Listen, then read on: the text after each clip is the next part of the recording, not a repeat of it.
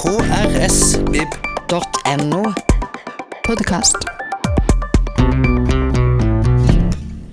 Hei og velkommen fortsatt på Bjørnebodane.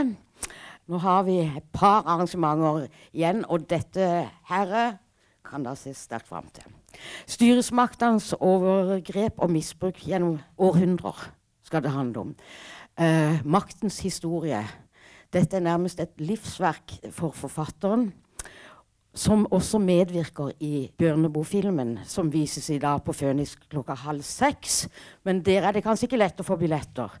Han blir intervjua av filmskaperen selv, poeten og forfatteren Terje og, og filmskaper da, Terje Dragseth, og selveste forfatteren Truls Øra. Ta godt imot dem.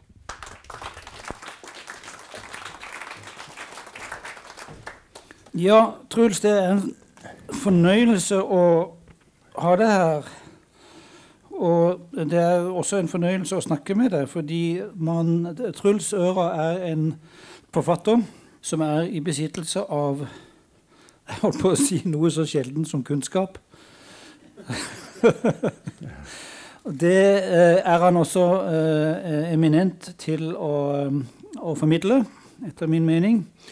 Og vi skal ta utgangspunkt i dette verket her, som ligger til salgs der borte via VIPS. 'Maktens historie. Mytene skaper verden'. Og hvis, eh, som er en, en absolutt anbefalesverdig bok, for å si det mildt. Eh, jeg har ikke lest noe lignende, verken på norsk eller noen andre språk. Og hvis jeg får gå rett på sak, Truls, og være effektiv her, så innledes boka med et sitat av Ludvig Feuerbach, som kanskje noen av dere kjenner navnet til. Det er vel antropologiens grunnlegger. Han levde fra 1804 til 1872.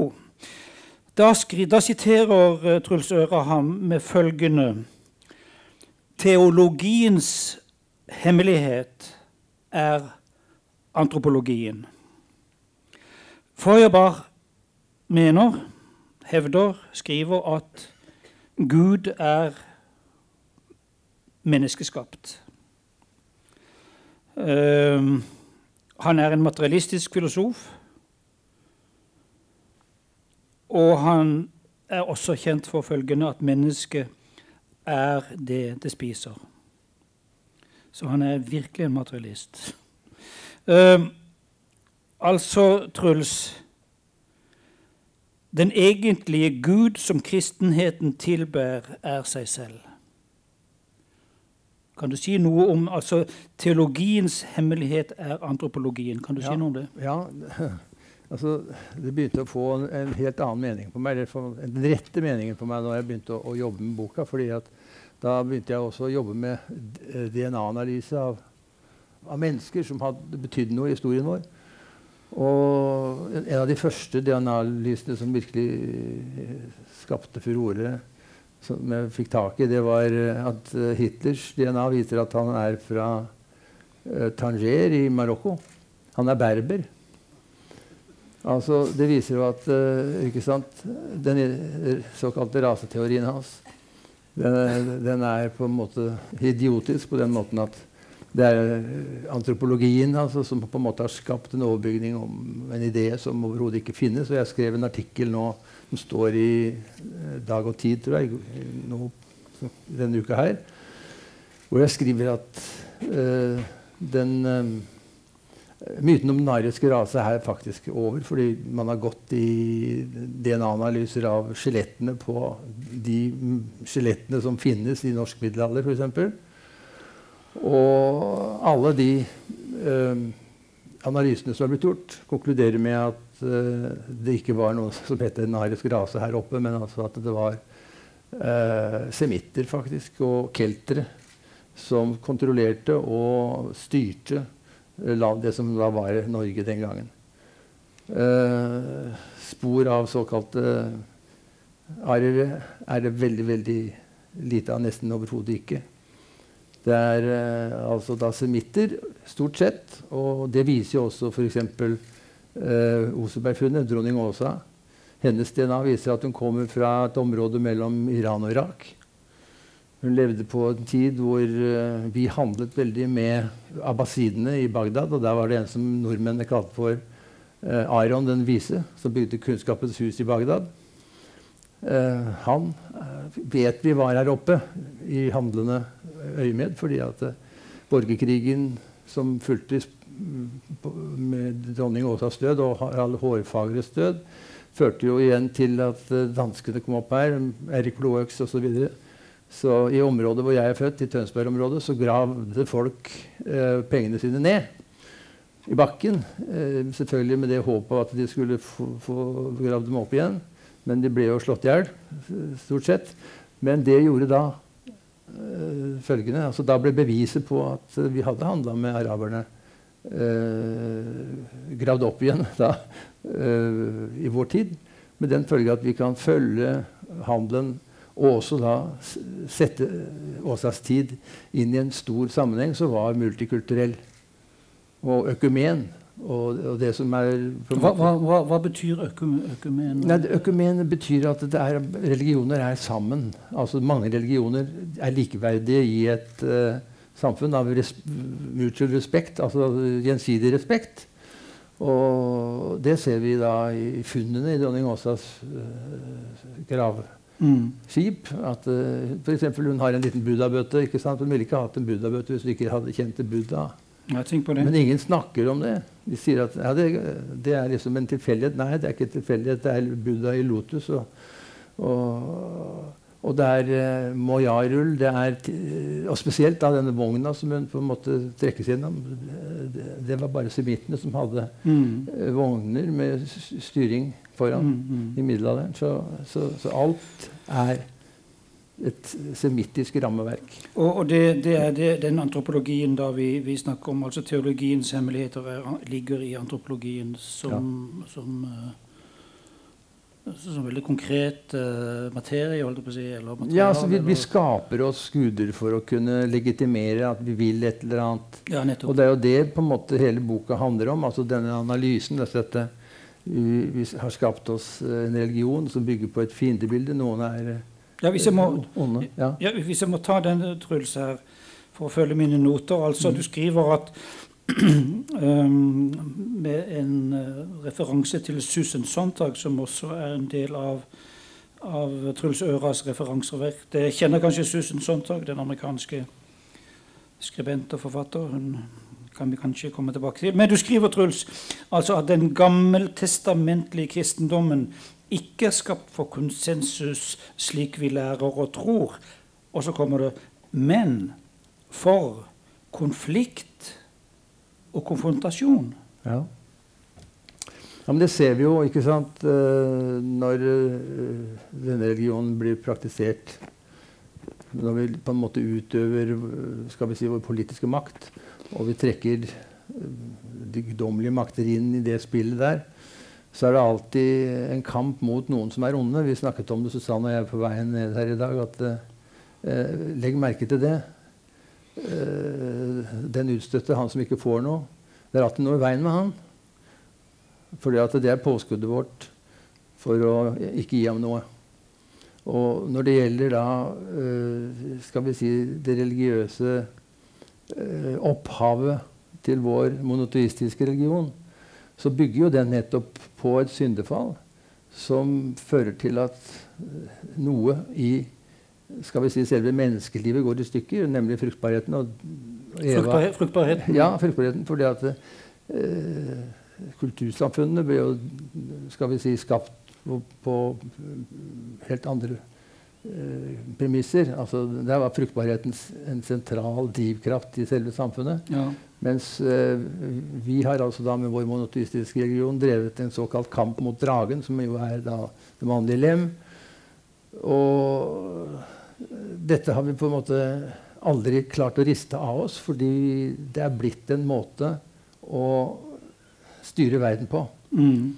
Og dette begynte veldig veldig tidlig, men ikke skal vi si ja, La oss si for eh, 1800 år eh, før Kristus. Så, så, Før Kristus, ja. ja, så trenger da en krigerkultur seg fram i Mesopotamia, som da hadde bygd historiske samfunn, bygd på likeverd, og som var skal vi si, bygd på fruktbarhetskult alene. Nettopp.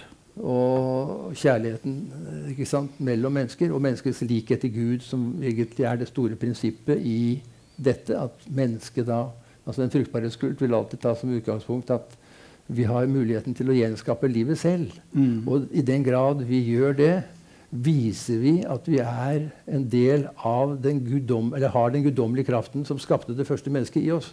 Og dermed så er vi Guds barn. Og alle mennesker har det. Mm. Og fordi at øh, For å understreke det så, så lagde de jo disse mytene sine, skapelsesmytene sine, hvor altså den såkalte byttingen, da, han som ikke hadde noen far, han var likeverdig med, øh, med, med, med, med alle andre. Altså det spilte ingen rolle. Mennesket var født likt fordi det var av Gud. Men, men, men, det, men, jeg er litt opphengt i dette, altså denne, denne, denne måten vi lærer å løse å løse problemer, eh, mellommenneskelige problemer med, også på, eh, altså fra individnivå til eh, et nivå altså hvor nasjonene imellom, er at vi løser de på en eller annen måte med konflikt. Altså, altså krig og konfrontasjon. Hvis, vi, hvis, vi nå, hvis vi nå tar et helt banalt, men allikevel virkelig reelt eksempel, så er det jo i, i den amerikanske underholdningsindustri Hvis man ser nesten uansett et, fiktivt, et fiksjonsverk derifra, enten i form av en, en krim eller whatever, så løses alle konflikter med våpen eller vold. Det er måten, det er måten du løser konflikt på uh, i, i den amerikanske uh, underholdningsindustrien. Jo, det, det viser igjen altså at dette sitter, det sitter veldig dypt inn. Vi snakker, vi snakker om uh, en kamp mot det onde. Og, og, og det er Det er jo det boka handler om. Altså, den gammeltestamentlige kristendommen har det som prinsipp. At noen er rettroende, og andre er rett og slett Ja. vantro. Mm. Og jeg mener jo da å ha funnet svarene på og forklaringen på hvordan skal vi si denne forferdelige krigerreligionen, som jeg kaller æselære, for det er det den er, den kommer fra asyrerne, og dermed så blir det altså Urbanipal og Asyria og, og æse. Og guden deres heter også Æsur Masta. Og det var den ene gud. Eh, og den guden kan vi følge da fra eh, Bibelens fortelling om Sodoma og Gomorra, som egentlig handler om tilintetgjørelsen av Ur, som i 1850, 1850 ja, 50 før Kristus ble plyndra av et krigerfolk som het elamittene. Som var elamittene. Og før det så hadde man ikke skrevne beretninger om, om, om det som ble en slags guddommelig skadevilje.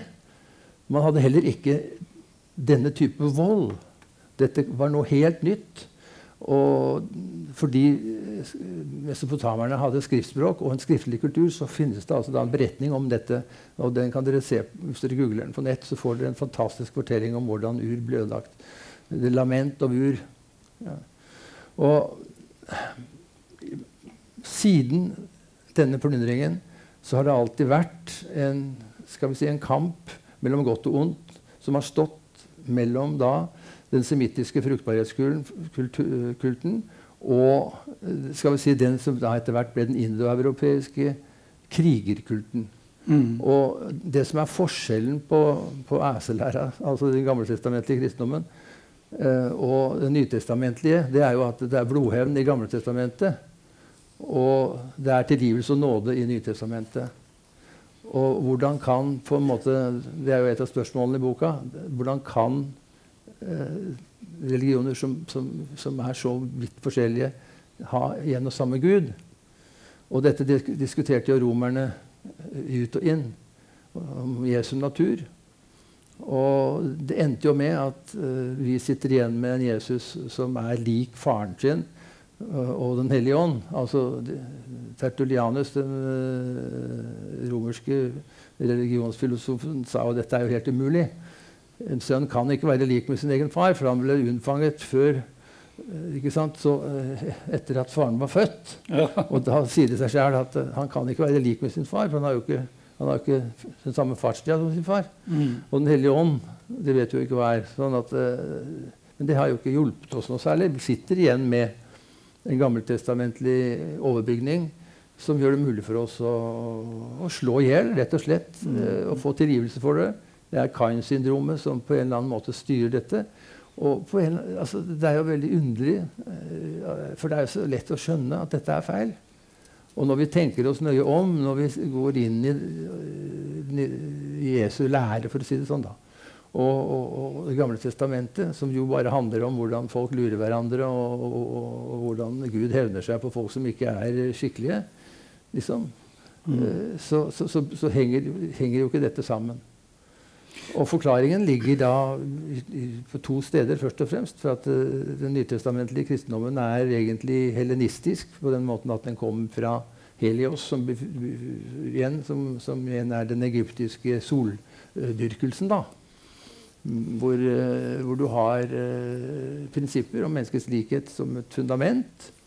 Og hvor altså da de styrende faraoene strakte seg etter en guddommelighet som, som, ikke hadde noe med synden å gjøre. Snarere tvert imot. Skulle du komme til himmelen i det gamle Egypt, så måtte du stå foran tolv vismenn og si at nei, jeg er ikke ødelagt dyrka mark fordi de vernet dyrka mark. Jeg har ikke drept fredede fugler. Det var dødsstraff for å drepe fredede fugler egentlig. Altså, ja, ikke sant. Ja. Og jeg har ikke øh, skjendet noen kvinner. Jeg har ikke gjort Det måtte de. Hvis vi sier ja da, jeg har gjort det, ja, det, er jo, det, og jeg er veldig lei for det. Men det er vel veldig fint hvis jeg får øh, tilgivelse av det. Og, og, dermed så får du en sånn, et syndrom som på en måte gjør at mennesket blir da virkelig uhelbredelig ondt. Fordi øh, vi får tilgivelse hele tida. Ja, jeg husker en av de første rare tingene, bekreftelsen på det, da jeg kom til Roma. Det var en liten tyv som hadde fått tak i seg noe kobber. og Han hadde purken etter seg. Og han fløy inn i en lita kirke på Piazza San Silvestro. Like der, der var presskruden. Og så gjemte han seg i et lite, et lite, sånn lite kapell. da. Og så sto han der liksom, og ba til Gud da. og Maria om å få tilgivelse for det han hadde gjort. Uh, helt til liksom faren var over. Og så gikk han ut og så, så, så, sa han til meg jeg, jeg leverer jo ikke det tilbake igjen. Jeg er jo ferdig med det nå. Hvis jeg kunne, altså Den helenistiske eh, Jeg vet ikke om alle kjenner til det begrepet. Eh, det er da en fusjon av av antikkens verden og, og, og, religionen i Midtøsten og Asia. Kan man si det? Kan vi ikke si det sånn, Truls? Ja, det er, en, det er skal vi si Den helenistiske det, det, ble jo rett og slett Det, det, det, det, er fusjon, av forskjellige Ja, men det er først og fremst konsekvensen av at uh, Alexander den store klarte å utslette det persiske riket, som var oligarkisk. Ja. Og det han gjorde da, det var å innføre et folkestyre og det folkestyret det var sirkulært på den måten at uh, de hadde det som grekerne da kalte laokrati. Et laokrati var et, folkestyre som ikke var, altså et demokrati som ikke var delt flertallmessig. Mm. Man satte seg i en ring, og alle klasser var med. Og så fikk man diskutere seg fram til en løsning, og så måtte man akseptere den. Mens et ordnet uh, demokrati vil jo alltid skape et mindretall, og der vil alltid være en taper. Mm. Og vi ser jo det i dag, at det er blitt demokratisk umulig å få ned arbeidsledigheten. Det er blitt demokratisk umulig å, å bekjempe ikke sant? Mm. amerikansk imperialisme. Blitt, vi får ubåter på land snart. Må, jeg, må jeg sitere litt her fra Truls, um, i en av dine fotnoter, bare for å holde tråden med hensyn til det helenistiske, og du nevner også Alexander den store. Her står det i en fotnote i uh, Mosebok, uh, Mosebok 1, 27 står det visselig jeg siterer, Og Gud skapte mennesket i sitt bilde. I Guds bilde skapte han det, til mann og kvinne skapte han det. Så skriver Truls Øra. Men siden disse forsikringene er satt til side av syndefallsmyten og fortellingen om det utvalgte folket, folket bruker jeg menneskets likhet i Gud som bilde på den virkelige, universelle og dermed også uforanderlige likheten i Gud. Og så litt videre. Troen på menneskets likhet i Gud er da også mye eldre enn kristendommen. Begrepet var kultursamfunnets fundament allerede i oldtiden, og vi kan føle det gjennom sumeriske, semittiske og egyptiske kilder fra det tredje årtusen før vår tid og fram til den ptolemeanske hedonismen i fotsporene til Alexander den stores erobring av verden. Sånn at mytene skaper verden, det er noe helt sikkert. Jo, øh, men øh, der, øh, altså, dette ble jo da ført videre av, av romerne. Det begynner jo med, med Julius Cæsars eh, ekteskap med Kleopatra. Da kommer altså da sønnen deres Cæsarion. De kommer til Roma i triumf, fordi da har de skapt, har de gjenskapt eh, skal vi si det folkestyret som, som Alexander hadde lagt igjen etter seg i Egypt. Og det førte jo til dette opprøret, som, som igjen da førte til at oligarkene tok livet av han. Oliga oligarkene? Altså. Ja, senatorstanden, eller altså senatet. Disse oligarkene, disse patriarkene, hadde en uinnskrenket uh, makt. De kunne drepe hvem de ville, sto ikke til rette for noen lov. Og så sier da Cæsar at fra nå av så skal vi sette grenser for deres handlinger. Og, og, og, alle klassene skal likestilles. Og, og en av de eh, bøkene som jeg hadde med meg da jeg kom til Roma, var en bok som er skrevet av Brecht, som heter 'Cæsars forretninger'. Og jeg hadde jo veldig stor respekt for Brecht. Men eh, da jeg begynte å lese han, som skriver at Cæsar bare var en dust som forsøkte å berike seg på de fattiges bekostning, og leste Cæsar selv og den virkelige historien, så oppdaget jeg jo at uh, dette verket til Brecht var bare bygd på fordommer, som så mange andre ting. fordi at uh, For det første så testamenterte, seg, testamenterte, han alt han eide, til folket i Roma. Og for det andre så ga han dem rettigheter. Og det var han som gjenskapte skal vi si, Israel og Judea som jødisk stat. Det var han som innsatte Herodes den gamle, den store altså. Og, og, og, han ga også kelterne store, store, stor frihet og innlemmet dem i det romerske riket. Og, og, satte da grenser for, for, for, menneskets handling mot hverandre, rett og slett. Altså, og når man leser det han selv skriver f.eks. fra felttoget i Gallia i, og i Spania, så sier han at okay, her har vi noen som kanskje er druider. altså De bunter mennesker sammen som de ikke liker, og så brenner de dem levende. Vi kan ikke ha sånt. Så mm. dette skulle altså avskaffet, og da innfører han egentlig det som er det store problemet, det romerske økumene. Og det er et, altså et samleord for, for, for, religiøs frihet. Som i praksis går ut på at den romerske staten betalte regninga for alle kirkesamfunn, alle trossamfunn, alle eh, religioner. Og de betalte også presteskapene. I bytte med det så måtte alle prester, alle presteskap og alle tempel de, de, måtte eh, respektere alle andre religioner. Og de som ikke mm. gjorde det, de brøt med andre ord da romersk lov. Vi gjør det stikk motsatte. Vi sier at, uh, I dag så sier vi at uh, retten til å kritisere andre det har med, fri, det har med det frie ordet det har med frihet å gjøre. Mm. Altså Det er lett å si det at du er jo en kriminell, akkurat sånn som Trump gjør når han snakker om sine skal vi si, politiske kolleger som han ikke liker. Altså, det ville vært forbudt. Og det er en av de, For å illustrere altså, hva, hvor flott dette var laget opp altså, Det er en fortelling Jeg vet ikke hvor mange av dere som har vært i Roma, men i Roma er det noen fantastiske um, uh, katakomber som heter Priscillas katakomber, som ligger på, på en av veiene ut av byen. Og Priscilla og mannen Aquila var, han var teltmaker. Han bodde i Roma. Han tilhørte de ortodokse jødene som trodde på æselære. rett og slett, og De nektet å gå inn i såkalte urene menneskers hus. Og da sa Claudius urene? Det er jo dere som er urene, som ikke aksepterer det romerske økumene. Så de ble utvist fra byen og dro da til Efesos. Og i Efesos møtte de Paulus. Og han sto der i, i Artemis-tempelet, som Alexander hadde gjenreist etter brannen.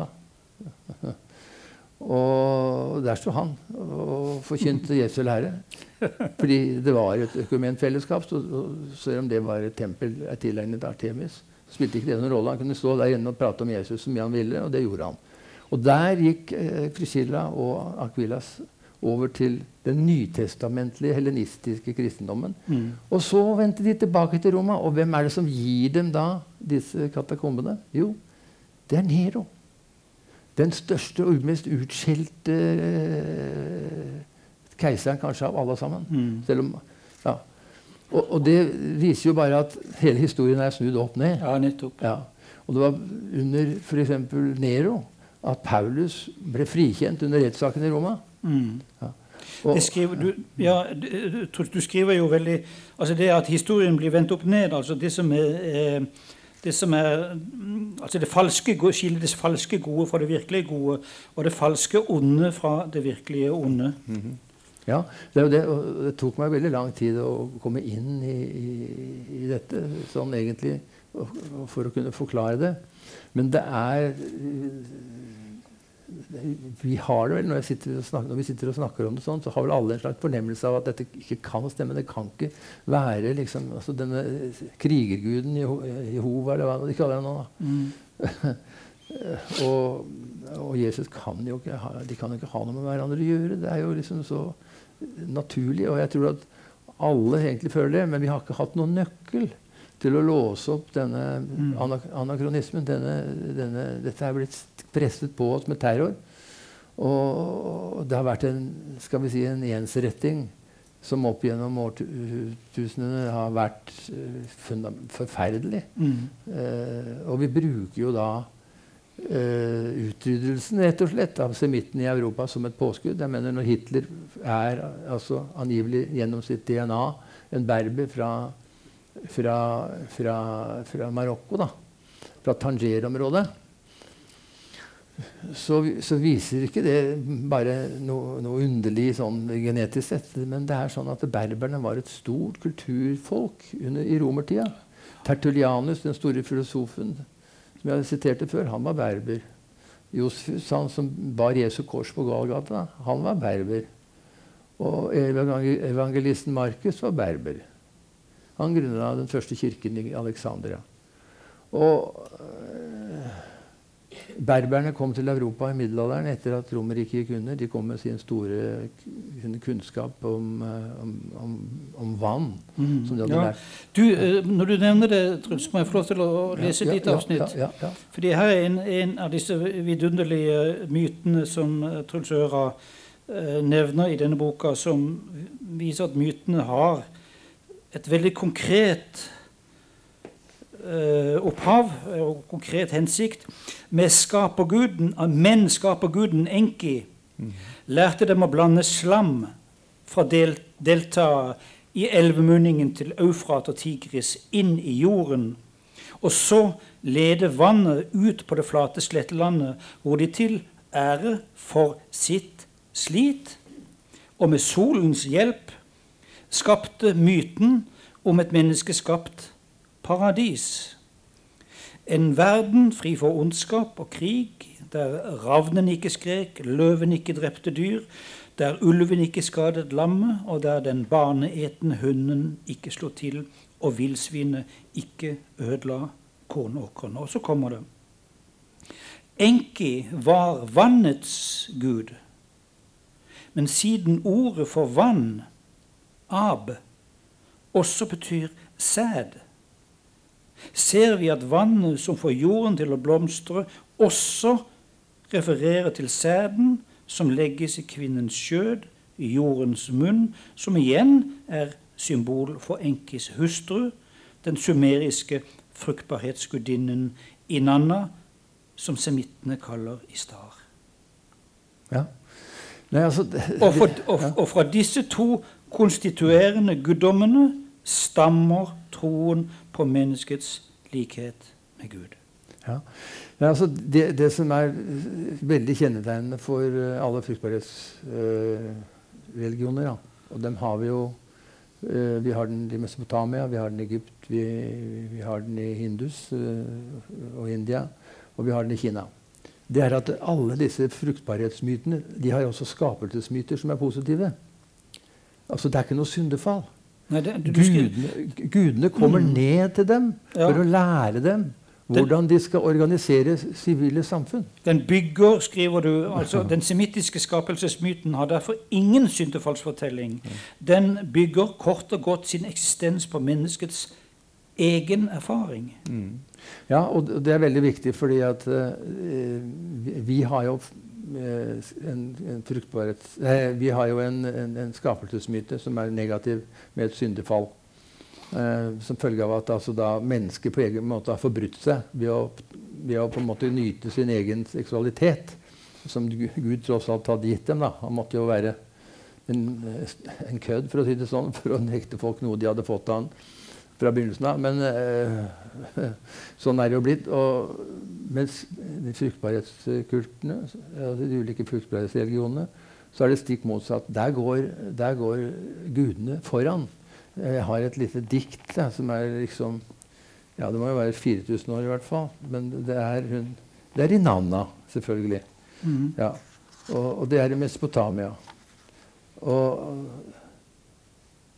øh, der skriver jeg først, da mm.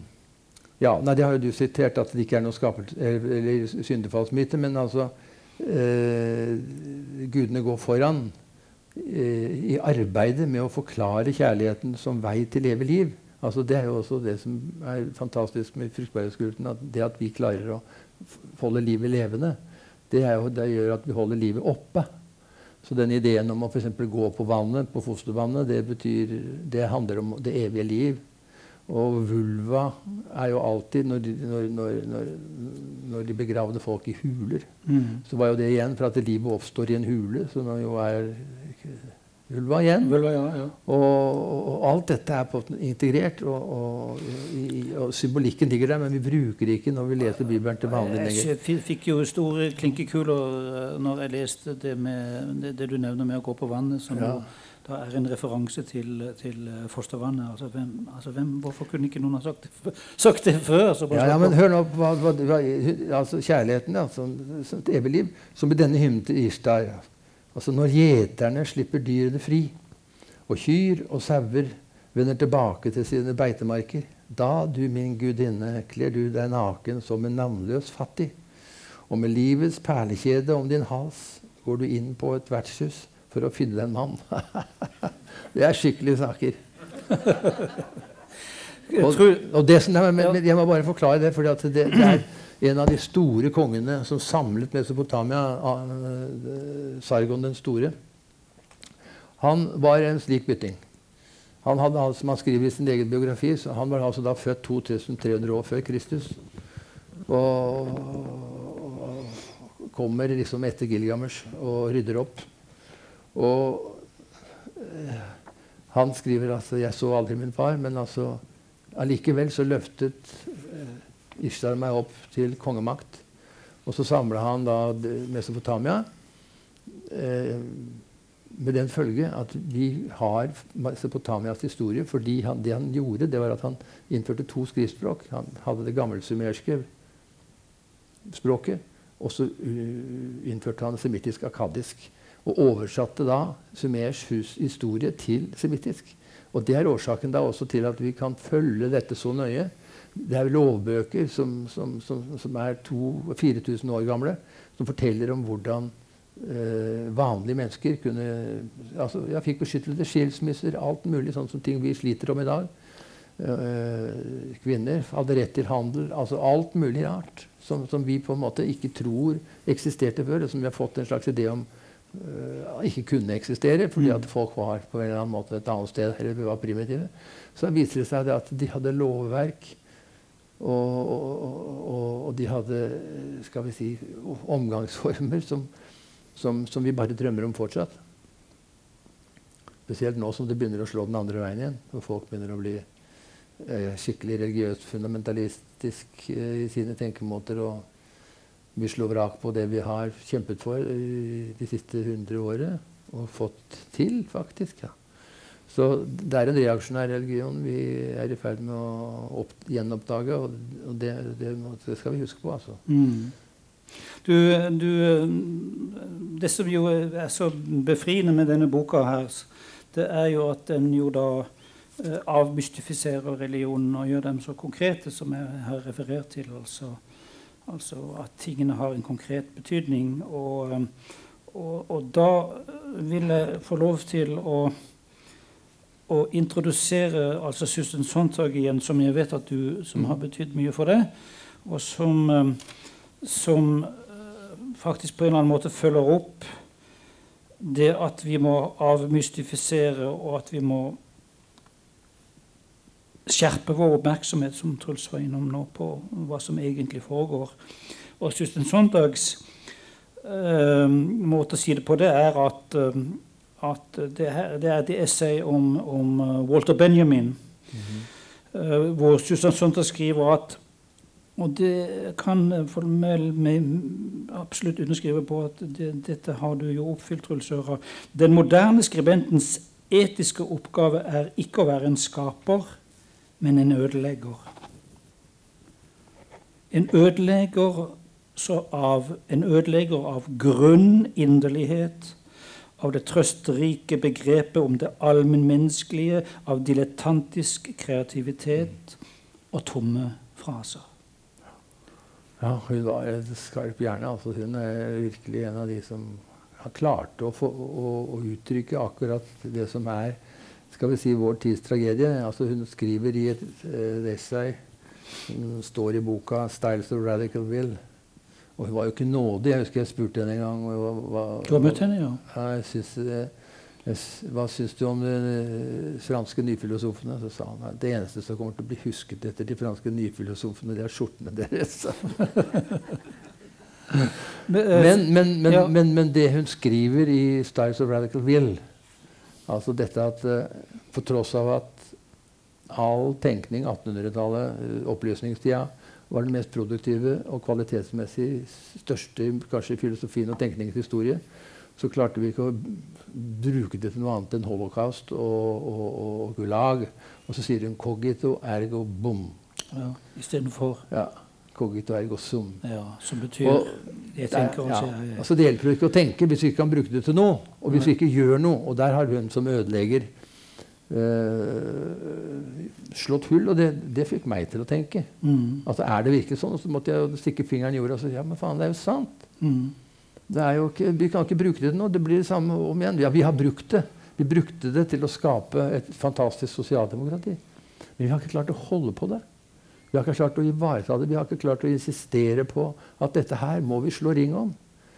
Og det husker jeg vi satt og snakket om Jeg jobba jo litt med Arbeiderpartiet den perioden hvor det var Jo og Gro og Jagland. At dette er, altså, dette, vi må slå ring. altså den Ideen om Det norske hus ble latterliggjort. Men altså, da var vi på toppen. Ja. Det var da vi skulle slått ring om det. Det var da vi skulle sagt oh, denne mannen som er litt uh, sjenert og har litt problemer med å uttrykke seg når han snakker til folk på TV, han har i hvert fall sagt noe som, som, som, som angår oss alle. Hvis vi ikke tar hånd om dette nå, ja. så går det føyken. Da er det noen som, eliminerer sakte, men sikkert og tar det fra oss. Og du ser det nå? Ja, ser det nå. Mm. Det er ustoppelig. Um, altså Susan Sontag sier, sier, jo videre at, uh, at um, altså, altså, begrepet oppmerksomhet som et grunnleggende eksistensiale og Da refererer hun til en annen eh, fantastisk eh, tenker, den kristne aktivisten Simon Weil. Mm som eh, for øyeblikket sjøl leser noe som fins Hun fins på norsk, eh, faktisk. En, ja, ja. Eh, på, og for Weil, for Simon Weil og for Susan Sontag da var begrepet oppmerksomhet et grunnleggende begrep fordi vi må det, det er det verktøyet vi må bruke for å forstå vår eksistens, og for å forsvare vår eksistens. Ja. Vår, vår, uh... jo, men kanskje enda mer enn det så er det veldig viktig at vi nå forstår det moralske ansvaret vi har altså, gjennom det å leve som vi gjør. Uh, vi har ikke politiske partier, vi har ikke skal vi si, ideologier heller lenger, som, som kan være med å, og, på en måte hjelpe oss. Som, det, er ikke, det er ikke de verktøyene det en gang var. Men vi har moral. Vi har et, et stort rett og galt som ikke er eh, skal vi si, dualistisk og fiendebildeorientert. Vi har hel, en helhetlig moral som, som, er helenistisk kristen, og den er også sekulær. Alle kan. Bør ikke tro på, på, Gud eller julenissen eller Jesus for å skjønne det. Og det moralske ansvaret det handler da om å virkelig ville ta konsekvensen av hva moral er, og si at ok, nå må vi begynne å, å dele virkelighet med de stakkars fanene vi snakker om hele tiden når vi ser på TV hver dag. Vi må, vi må, på en måte ta tak i det. Vi må faktisk gjøre noe direkte. Og hvis vi ikke gjør det, så, så lar vi det bare gli forbi oss. Og da kan vi heller ikke komme og si at uh, noen har skyld. Altså vi har alle da skyld i det som, ja. som, som da skjer. Og det, det, det, er, det, er, det som jeg er konfrontert over. og da, Derfor så blir jo da i hvert fall mitt budskap etter hvert det er at uh, vi må tenke på friheten ikke som en ideologisk, uh, idéaktig ting, men noe sekulært. Noe som er sirkulært, noe som er helhetlig. Og da, da er det veldig viktig selvfølgelig å se. Ja. Men å være oppmerksom. Men, og, men enda, det, som er enda viktigere, det er å handle. Det er det som Gramsci, altså den italienske filosofen som satt i fengsel og skrev på dasspapir under Mussolini Man han klarte å smugle det ut i koder. Altså hans philosophy of praxis. Ja, nettopp. Altså en, pra en praktiserende, ja. moralsk eh, måte å leve på, rett og slett. Mm. Det, var det, det, var jo det, Simon Weil også, også gjorde. Hun var jo hun var jo uh, meget intelligent. Hun diskuterte jo Sokrates med sin far da hun var tolv år gammel, sies det. Men hun var jødisk og flyktet til Paris, nei, til uh, USA. Og reiste så videre til London og reiste da til, til Paris, og, eller i utkanten av Paris, og, og begynte å jobbe på Renault-fabrikkene mm. der. Og eh, solidariserte seg med de med de streikene og levde helt konkret som, en, som et fattig menneske. Og døde av det, faktisk. Ja. 38 år gammel, av tuberkulose. Altså at hun på den måten uh, i praksis identifiserte seg og gikk, gikk um, til de fattige og, ja. Men, men, når jeg sier oppmerksomhet, så jeg jo, refererer, jeg vil jo gjerne referere til at vi jeg mener jo at kunsten kan, kan være en sånn slags eh, bevissthetsmaskin som, som skjerper um, vår oppmerksomhetsevne. Fordi um, oppmerksomheten den må, den må, være helt åpen og åpen tilgjengelig for, for, det som kunstverket tilbyr. Og som kan være noe som ikke går nødvendigvis bare i én retning, men går i mange retninger samtidig. Eh, og at man da må være, helst være åpen og avventende. Ja, Nei, i alle, Overfor kunstverket. Eh, altså, For å holde oss til det religiøse rammeverket som jeg snakker om, så, så, så, så kan du se har, altså, For å understreke et menneskes likhet, så har du astrologi inn, altså, Du har tolv disipler, og alle har et stjernetegn. Og på eh, gamle norske middelalderkirker så har de ofte risset disse stjernetegnene inn for å minne oss på at det er en sirkel, det er en helhet. Dette representerer Det er ikke en halv verden, det er ikke ett folk, det er ikke et utvalgt menneske eller et utvalgt folk. Det er en hel menneskehet som, som, dette handler om. Og det er en hel menneskehet som skal frelses, og det er en hel menneskehet, menneskehet som kan frelse verden.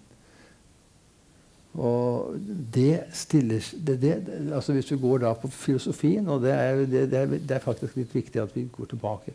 Jeg, skal, jeg har jobbet med Platons uh, mimesis fordi den er med på å undergrave skal vi si, vår egen virkelighetsoppfatning av, av, av, av ja, tilværelse, rett og slett. Så jeg skal, jeg skal lese bare litt om hvordan han gjør dette for å lure oss til å tro på noe som er helt feil.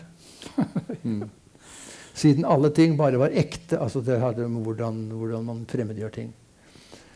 Siden alle ting bare var ekte, sanne, virkelige, lytefrie og ideelle den gang verden var ny. For det er det som går. Vi, må, vi går tilbake til hulemennesket, vi går tilbake til det opprinnelige. Og det må jeg bare si, I Egypt så var det stikk motsatt. De visste jo selvfølgelig at verden ikke var bra når hulemennesket levde. De hadde ikke noen pyramider da. Så, så, så, de tok det på en helt annen måte. Men altså det primitive og det tilbakestående og det som viser at Platon her reflekterer en krigerreligion istedenfor et sivilisasjonsprosjekt, er det jeg vil prøve å forklare dere. Ja, siden alle ting bare var ekte, sanne, virkelige og lytefrie og ideelle den gang verden var ny, er ifølge Platon alt det som mennesket siden har skapt, bare simple kopier av de gode originalene Gud ga oss den gangen jorden var ny. Likheten mellom dem blir derfor ikke en forenende kraft, som i helenismen, men snarere forklaringen på alt det som skiller dem fra hverandre. Det er viktig å huske. Av dette følger at den praktiske funksjonen en kake deler med alle kaker, ikke må forveksles med den ontologiske status som ideell, arketypisk kake. Skjønte du det? Ja. Den ideelle formen på en kake er nemlig evig og perfekt noe den nybakte kaken, som simpel etterligning av urkaken, ikke er. ja. Så bakeren må selvfølgelig gjerne tro at han lager en helt ny kake hver gang han setter en kake inn i ovnen. Men det er bare fordi han ikke skjønner mer og er dum, en dum skygge av det ideelle mennesket. Som da på en måte er den som kan svinge seg opp med Guds hjelp og styre verden med rett. Med rette. Ok. Han lar seg altså da forlede dumme, på dumme menneskers vis av kakens konseptuelle form og funksjon når han oppfatter den rykende kaken han tar ut ommen, som virkelig, ny, hel og ekte. Og altså da slik, fordi den virkelige kaken imiterer den ideelle kaken, skifter objektene natur. Den ideelle kaken, som ikke eksisterer lenger, blir virkelig som arketypisk kake på bekostning av den virkelige kaken. Noe som nå, mist, den, og, og nå mister den virkelige kaken sin eksistens. Fordi den ifølge Platon bare er en ussel kopi.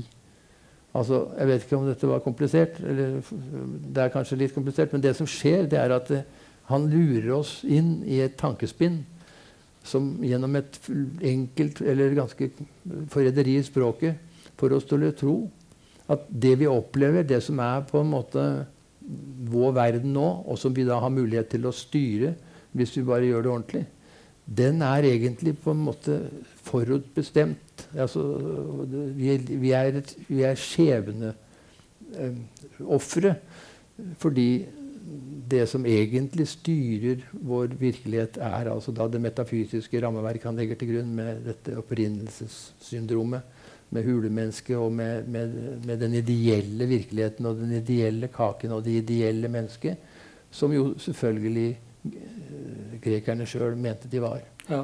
Uh, Truls, vi må stoppe nå. ja. Det, som dere hører, så, så, så kan uh, Truls Øra uh, snakke mye om dette og har kildene i behold. Jeg sier tusen takk til publikum.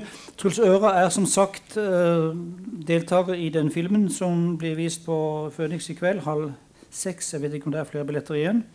Sal 1. Og dessuten vil han ha en samtale med Paul R. Salvesen etter filmen på kino. Tusen takk for de som kom i dag, og ha en fortsatt god dag. Flere podkaster fra oss finner du på Google Podkast, Apple Podkast eller iTunes, eller ved å stikke innom vår hjemmeside på krsbib.no.